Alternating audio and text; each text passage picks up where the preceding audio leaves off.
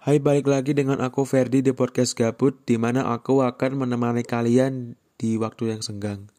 Jadi, di episode kali ini aku mau ngomongin tentang list 5 anime terbaik menurutku. Ini mungkin jilid kedua sih.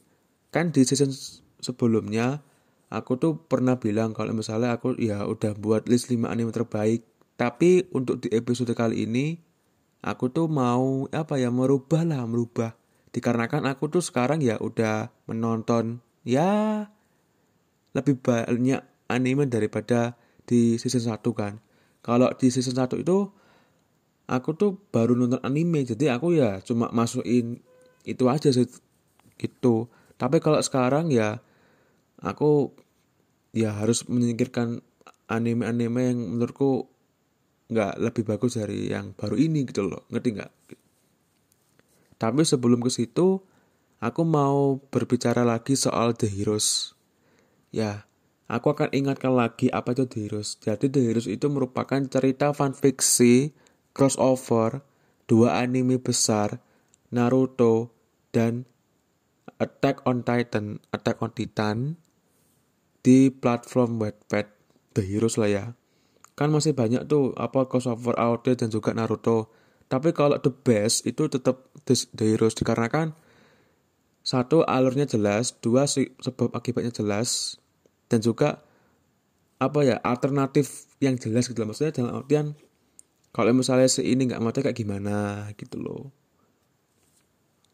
Aku tuh apa ya terngiang-ngiang kalau misalnya apabila ini dibuat anime beneran bakalan booming dalam artian ya bisa merusak pasar gitu loh. Gitu. Ya mungkin akalan oh akan sangat booming sekali karena dua anime besar itu kan.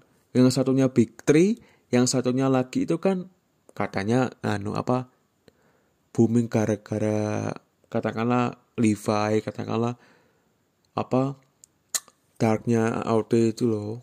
Itu kalau misalnya dibanding-bandingin antara Naruto dan juga AOT itu menurutku gimana ya nggak sepadan sih. Dikarenakan ya Naruto itu kan animenya long run ya kan? Bukan seasonan. Tapi kalau AOT itu cuma season. Kalau misalnya dibandingin secara face to face itu kayak kurang seimbang sih. Kayak nggak bisa dibandingin tuh. Kurang bisa dibandingin. Kalau aku ya AOT itu mempunyai bagusnya sendiri Naruto juga punya bagusnya sendiri jadi nggak bisa dibandingin sih menurutku. Ya aku tuh penasaran sih apa apa kalau misalnya Sasuke dan juga Levi itu berada di satu frame? Mungkin para ciwi-ciwi yang menghubus apa menghusbukan mereka berdua bakalan teriak-teriak sih. Itu Levi Levi Sasuke Sasuke kun kalau apa ya kan mereka berdua itu kan karakter favoritku kan. Dua karakter ini Levi dan juga Sasuke itu merupakan karakter favoritku di anime. Dikarenakan ya satu keren. Gitu loh. Walaupun Sasuke sekarang jadi jamet dan juga Levi sekarang jadi kayak udah makin menua tapi tetap aja karismanya sebagai husbu itu terasa sih. Ini aku nggak belok loh bro. Aku masih lurus bro dan aku ngakonnya bahwa mereka tuh ganteng loh. Nggak aku aku masih masih alhamdulillah masih lurus nggak belok santai. Ya. Moga-moga aja sih kalau misalnya dibuat anime beneran itu bakalan booming sih. Bakalan wow gitu tapi kalau soal rating itu ya beda cerita lah ya.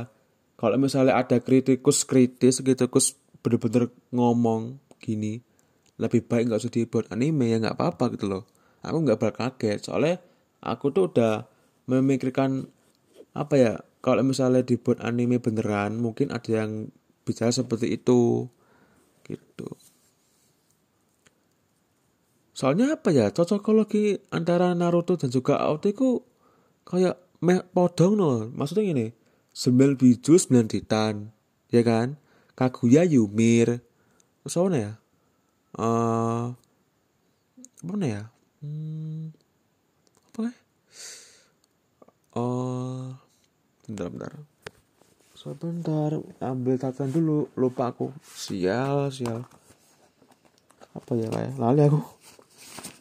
Uh, ini loh. Titan Biju ya bodoh sih Titan Biju. Terus kelompok Egaris dan juga Akatsuki. Jadi kelompok Egaris itu kan kayak mendukung banget Titan pendiri sedangkan Akatsuki itu kan ya mengambil bi mengambil biju-biju sembilan biju itu untuk bisa membangkitkan Jubi. Itu kayaknya kurang lebih sama deh walaupun walaupun apa ya ada perbedaan lah gitu loh.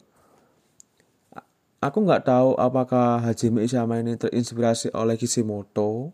Nggak tahu aku dan sekarang mungkin Kishimoto katanya mungkin terinspirasi dari Hajime Isama ya kan. Kita tahu lah ya seke, sekembalinya dia Kishimoto ke Boruto itu kan apa kayak dibuat lebih sadis lah. Yang pertama matanya Sasuke Rinnegan dicolok, yang kedua Kurama itu kan dibuat meninggal. Itu kayaknya kayak meniru Hajime deh. Aku nggak tahu apakah mereka berdua ini saling menginspirasi atau mereka berdua ini saling menyukai. Maksudnya dalam artian saling fans satu sama lain menggemari satu sama lain. Aku nggak tahu. Tapi kalau misalnya uh, kita kembali lagi ke anime serius kalau misalnya dibuat anime beneran wah bakal booming. Dan kalau misalnya dua mangaka itu bisa mengizinkan mau mengizinkan dengan suka cita suka rela wah lancar pak. Tak kau sumpah bakal lancar dan untuk studinya sendiri sih terserah mau Pierrot, Mapa, WIT, terserah. Yang penting apa ya, untuk artnya, untuk gambarnya, untuk animasinya ya sesuaikan aja gitu loh. Soalnya kan ini anime kan studionya beda-beda, style artnya beda-beda. Jadi sesuaikan aja gitu loh. Aku penasaran sih, Kirin dibuat dari anime apa sehebat apa sih? Apakah cuma CGI? Apa beneran di tul, apa digambar tangan. Kalau misalnya Susano nih Susano dibuat apa? Apakah itu hanyalah kayak CGI apa dibuat tangan gitu? Kan kita tahu sendiri Susano di buatan period eh Pierrot period Pierrot itu kan kalau nggak salah tul, apa gambar tangan kan gambar tangan loh bro aja ya loh gambar tangan deh kudu CGI gambar tangan menurutku hampir semua animasi Naruto buatan Pierrot itu gambar tangan. Menurutku, aku lihat sendiri gambar tangan bukan CGI. Jadi aku bisa melihat nih kuramanya itu gambar tangan, nggak kaku-kaku gitu loh. Saya nggak 3D, terus apa Susanoo-nya Sasuke itu kayak nggak kayak CGI gitu loh. Itu sih yang aku suka dari Pierrot. Kalau nggarap sesuatu tuh beneran nggak sesuatu gitu loh kita tahu sendiri lah ya, Boruto episode 189 di mana Pierre itu ngamuk pak. Sumpah animasi ini tuh hmm, pada saat Kawaki mengalahkan guru, wah Pierre bener-bener ngamuk pak, bener-bener ngamuk Pierre tuh. Apakah itu apa god madenya Pierrot atau gak masih ada made yang lain nggak tahu. Tapi kalau menurutku Anime ter anime dengan grafis terbaik buatan Pierrot sejauh ini itu masih aku Akudama Drive. Masih aku Akudama Drive. Jadi kalau kalian tuh belum pernah nonton aku Akudama Drive, itu kalian coba nonton dan itu kualitas grafiknya oh, mm, bagus. Bagus. Ya meskipun ceritanya itu ya sosok lah, tapi kalau grafisnya mm, top markotop lah top markotop lah top markotop sumpah itu uh, Oke, okay, aku akan langsung aja ya, langsung aja ke topik list 5 anime terbaik untuk sekarang ini. Aku nggak tahu apakah di season 3, di season 4, atau selanjutnya akan membuat lagi, aku nggak tahu. Ini tergantung aku sih, kalau misalnya ada anime bagus dan juga seru ya aku buat loh. Gitu. Oke, kita mulai ke nomor 5.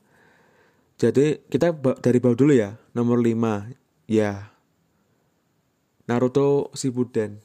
Naruto dan Naruto Shippuden. Ya. ini animenya ya bukan uh, bukan apa ya bukan ceritanya sih kalau cerita Naruto tuh bagus banget ceritanya tapi kalau ngomongin anime nih ngomongin anime Naruto itu yang itu yang aku nggak suka itu satu. Filler. Sumpah filler. Wes tok bro. Filler loh kalau Naruto apa anime Naruto kecil nggak apa-apa lah. Tapi anime Naruto Shippuden ya Allah cok. Cok iki filler iki kayak piye loh apalagi pada saat tegang-tegangnya perang dunia keempat. Itu baru dua episode tegang filler lima episode. Baru dua episode tegang tiga episode filler baru satu episode kanon saat apa tiga episode filler itu kan gimana gitu loh ya Allah aku tuh kayak gini aku tuh gak peduli nih kamu aku tuh gak peduli ke filler ini kenapa harus dibuat loh ya aku juga tahu alasannya kalau misalnya anime long run itu bakalan apes karena filler. Aku tahu sih kekurangan dari anime long run. Maksudnya dalam artian anime yang gak seasonan lah. Gitu loh. Aku bisa mengetahui sih. Tapi ya kalau menurutku nggak kalau menurutku sih itu sih kekurangan dari Naruto. Untung aja tertolong sama animasi dan juga ceritanya sih. Untung aja. Dan Boruto, Boruto itu kan kayak meneruskan Naruto kan itu apa ya fillernya apa? Ya Allah cok. Filler cok. Cok aku kayak enak sumpah pak. Sumpah enak aku. Aku tuh kalau sekarang ya nonton Boruto paling cuma apa ya mengikuti manga lah. Dalam artian kan habis ini Naruto musuh Delta kan. Mungkin aku akan mengikuti itu doang gitu loh. Kalau misalnya filler aku nggak ngikuti bodo amat. Karena kono wes Boruto. Jungklak walek mbok Boruto mangan samyang mbok. Sarada jadi gak becek meneh karep mula wis gak peduli aku. Tapi kalau misalnya berdasarkan manga aku ikuti gitu. Yang keempat itu ya masih aja sih Jojo Bizarre Adventure. Jojo Bizarre Adventure salah satu anime yang menurutku paling unik di antara anime shonen yang lain. Ya kan? Ketika anime shonen itu bertarung menggunakan sihir kekuatan fisik kalau di anime Jojo itu pakai stand pakai makhluk gaib loh bayang nama makhluk gaib yang ada di dalam tubuh. Dan cara mereka bertarung unik gitu loh. Aku tuh kadang-kadang nggak bisa membaca membaca gerakan selanjutnya kayak apa gitu loh. Itu sih aku sama Jojo suka. Apalagi sound effect yang dibuat dari double production itu kayak cas apa ya ciri khas banget loh. Cas banget kayak ciri khas banget. Misalnya kayak Zabarudune Dio Brando terus uh, Dehan dari apa siapa namanya? Okoyasu. Itu sih. Ya meskipun meskipun kalau menurutku kekurangan dari anime Jojo ini hanya satu. Nggak ada cerita. Sumpah.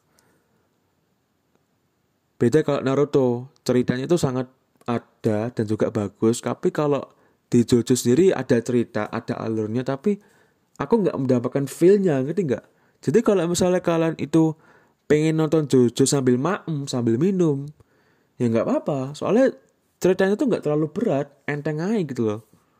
Justru yang aku suka dari Jojo ini mungkin ya apa anime fight-nya, scene-nya, animasi pertarungannya, terus sistem yang ada di Jojo kayak Stan dan Hamon itu yang aku suka. Parodinya komedinya itu aku suka gitu. Yang ketiga yang ketiga ini mungkin akan ya uh, mengejutkan sih. Jadi kan di season 1 kan aku bilang bahwasanya Kaguya sama Love is War itu kan anime terbaik di urutan nomor 3 tapi kalau ini enggak sih. Ini enggak.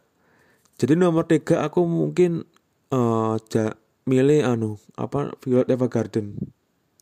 Violet Evergarden. Yang dulunya itu merupakan uh, nomor satu di episode yang apa di season sebelumnya. Tapi kalau sekarang nomor tiga. Nomor tiga. Dikarenakan ada yang masih lebih bagus daripada Evergarden aku mengaku itu. Mengakui banget. Ya kalau menurutku Violet Evergarden itu apa ya?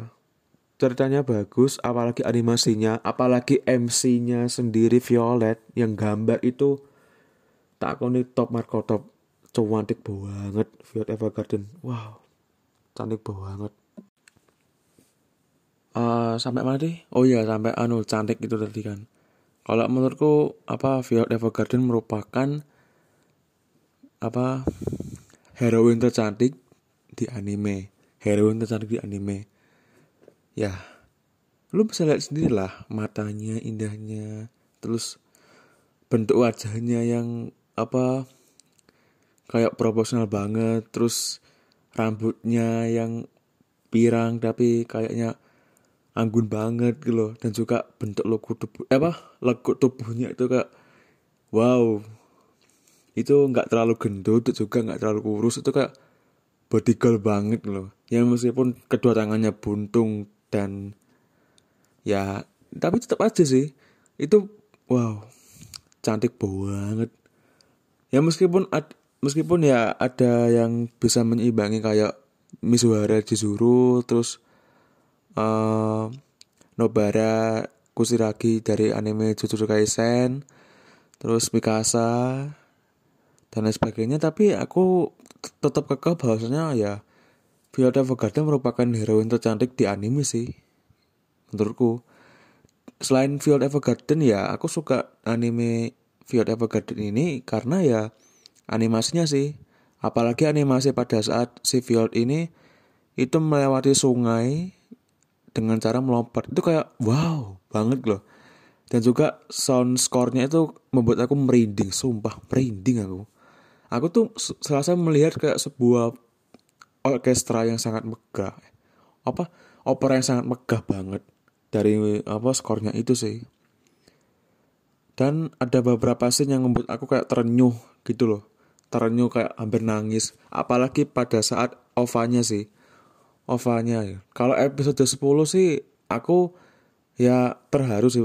Dan aku bisa mendak bisa merasakan feel tapi nggak separah ovanya sih. Kalau Avanya apa Avanya tuh kayak GG banget apalagi apa saat itu uh, sorry aku ngomongku terlalu belibet. Apa saat si uh, ceweknya tuh kayak nyanyi apa gitu menurutku wah gila sih bener-bener. Kita ke nomor dua. Kedua masih aja sama sih yaitu uh, eh, AOD sehingga Gijin jadi ya sama aja pendapatku dari dulu. Ceritanya bagus terus apa karakter developmentnya itu ada. Apalagi Eren yang sekarang jadi kayak main villain. Aku tahu sih kenapa Eren itu menjadi main villain dikarenakan dia itu ya punya alasan lain dia itu. Ya meskipun katanya katanya nih katanya Eren itu bucin sama Misa Misaka Mikasa tapi Eren itu kayak mempunyai tujuan lain selain apa Mikasa gitu loh. Dan ya masih tetap aja sih pendapatku soal auto yang sama seperti dulu. Ceritanya bagus terus apalagi uh, darknya dapet gitu Levi-nya dapet banget terutama Levi. Terus apa permasalahannya itu kayak dapet banget ya meskipun nggak separah apa nomor satu ini sih gitu. Dan yang nomor satu nomor satu ini aku akan disclaimer dulu ya. Ini aku nggak ikut-ikutan fanboynya mereka. Ini aku nggak ikut-ikutan apa ratingnya ini. Enggak aku nggak ikut-ikutan. Aku jadi udah lihat anime ini dan aku nyadar bahwa anime ini tetap akan nomor satu meskipun ada anime AOT season final yang katanya akan menggantikan anime ini nggak bisa digantikan menurutku masih sulit banget lah tahu dong anime apa ini ya Full Metal Alchemist Brotherhood. Full Metal Alchemist Brotherhood itu merupakan anime Full Metal yang di remake dari Full Metal aslinya. Jadi Full Metal Alchemist itu kan pertama kali dibuat kalau nggak salah tahun 2003 kalau nggak salah. Kemudian di remake kembali menjadi Brotherhood tahun 2009 gitu. Dan aku tahu sih kenapa Full Metal Alchemist itu tetap nomor satu dan juga bisa menjadi sulit banget untuk ditandingi loh. Bahkan audition final yang katanya itu bisa menanding itu susah sih menurutku loh ya menurutku ya kita lihat dulu lah dari segi gambarnya animasinya oke lah itu menurutku terbaik lah pada zamannya ya kan kalau bandingnya sama anime zaman sekarang ya goblok tak kena sumpah ya beda lah beda zaman beda animasi gitu loh Wah buat pada nih apa anime apa Evangelion karo Autism Symphony beda ado lah dari segi animasinya. Yo mikir ngono lho. Aja banding-bandingne anime lawas karo anime eh sorry, animasi lawas karo animasi baru. Jangan dibanding-bandingin gambarnya gitu loh. Tapi kalau mau banding-banding cerita oke okay, nggak apa-apa gitu. Untuk animasinya sendiri Film Alchemist itu bagus pada zamannya, bagus sih menurutku pada zamannya. Menurutku loh ya. Tapi kalau misalnya animasi itu dibuat sekarang itu kayak sosok banget dan ceritanya aku dapat sih. Ceritanya itu sebenarnya sederhana. Apa ya? sederhana sih di mana si Edric bersaudara itu ingin mendapatkan tubuhnya kembali. Si kakaknya itu pengen mendapatkan tangannya kalau nggak salah. Sedangkan si adiknya ini ini apa mendapatkan jiwanya. Eh mendapatkan tubuhnya lagi gitu loh. Jadi Edric bersaudara itu tujuannya simpel. Tapi ya dengan tujuan simpel itu mereka harus melewati rintangan yang besar gitu loh yang aku suka dari anime Full Metal Alchemist itu apa ya? Referensi nasi sih.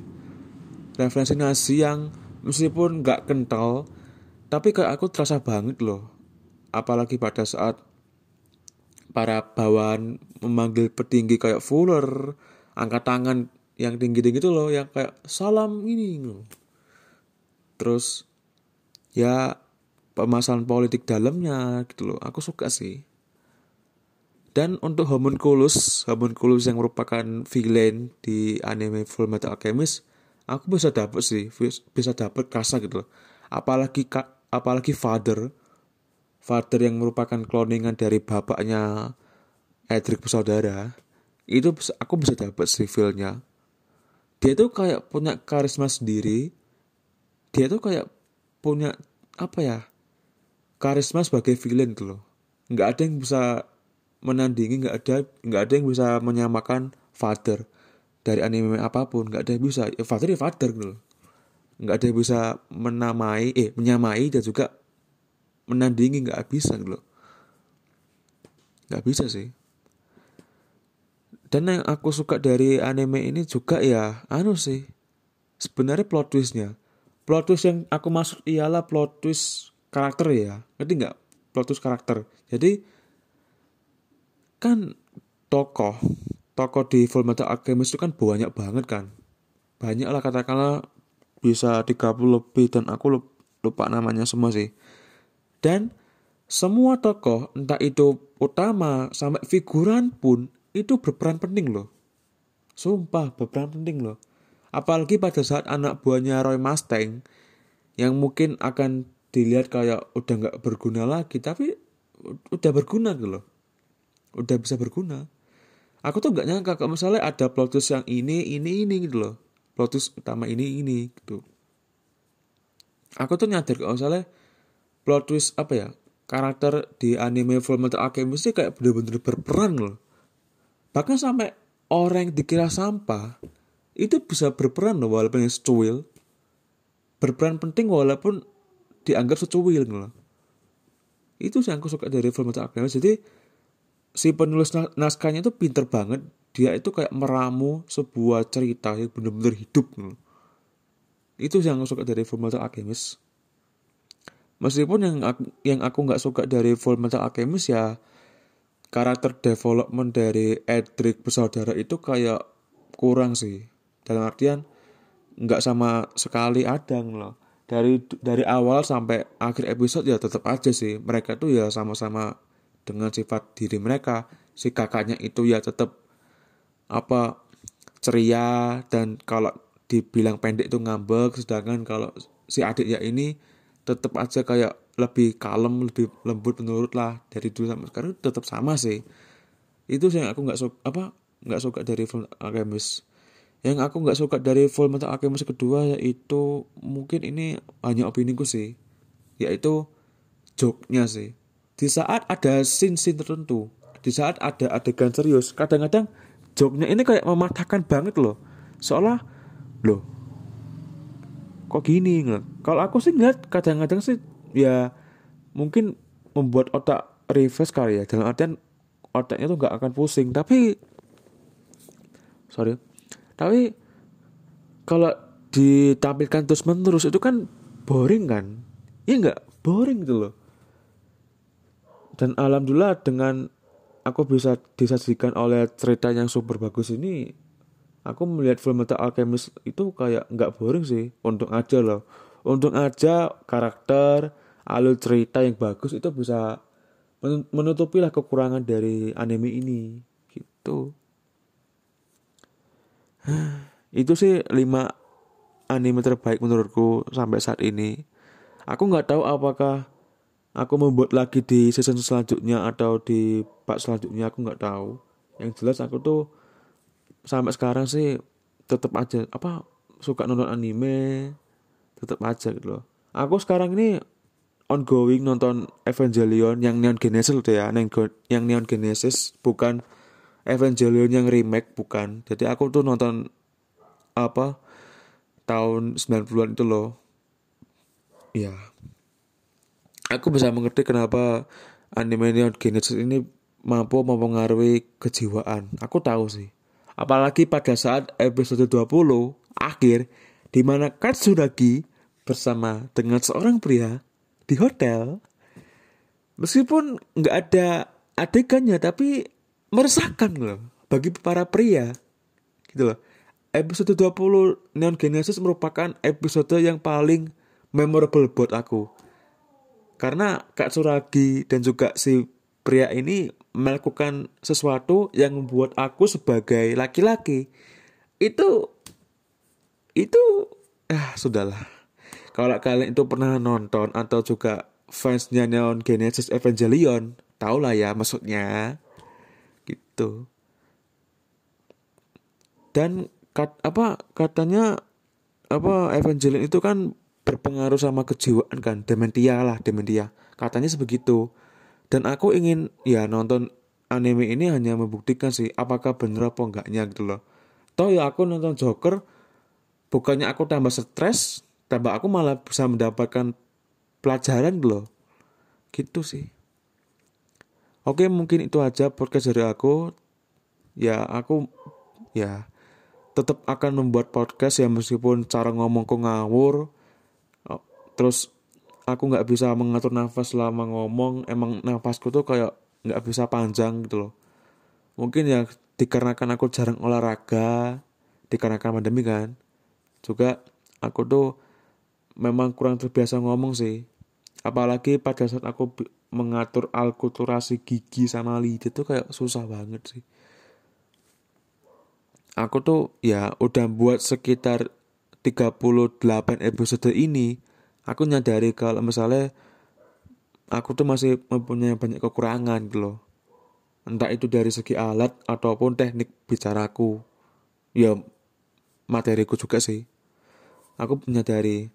Tapi walaupun begitu ya aku tetap berjuang tetap buat podcast ya meskipun hasilnya akan amburadul. Aku tahu. Ya aku buat aja aku enjoy. Aku tuh ya enjoy aja ya meskipun banyak kekurangannya aku bilang tadi kan gitu oh ya uh, buat dua orang yang selalu senantiasa mendengarkan podcastku aku nggak tahu siapa nama kalian tempat tinggal kalian di mana kalian itu kerjanya apa apakah masih sekolah atau udah kerja atau udah jadi pengusaha aku nggak tahu. Aku hanya bilang satu terima kasih terima kasih terima kasih terima kasih. Ya meskipun aku menyadari kalau misalnya hanya dua orang yang menjadi uh, pelanggan setia atau penonton setia, aku menyadari sih. Terima kasih banget. Terima kasih. Terima kasih. Tanpa kalian, tanpa kalian itu aku nggak bisa, mungkin nggak bisa mendapatkan harapan untuk buat podcast lah ya, gitu. Kita akan ketemu lagi di episode selanjutnya. Goodbye.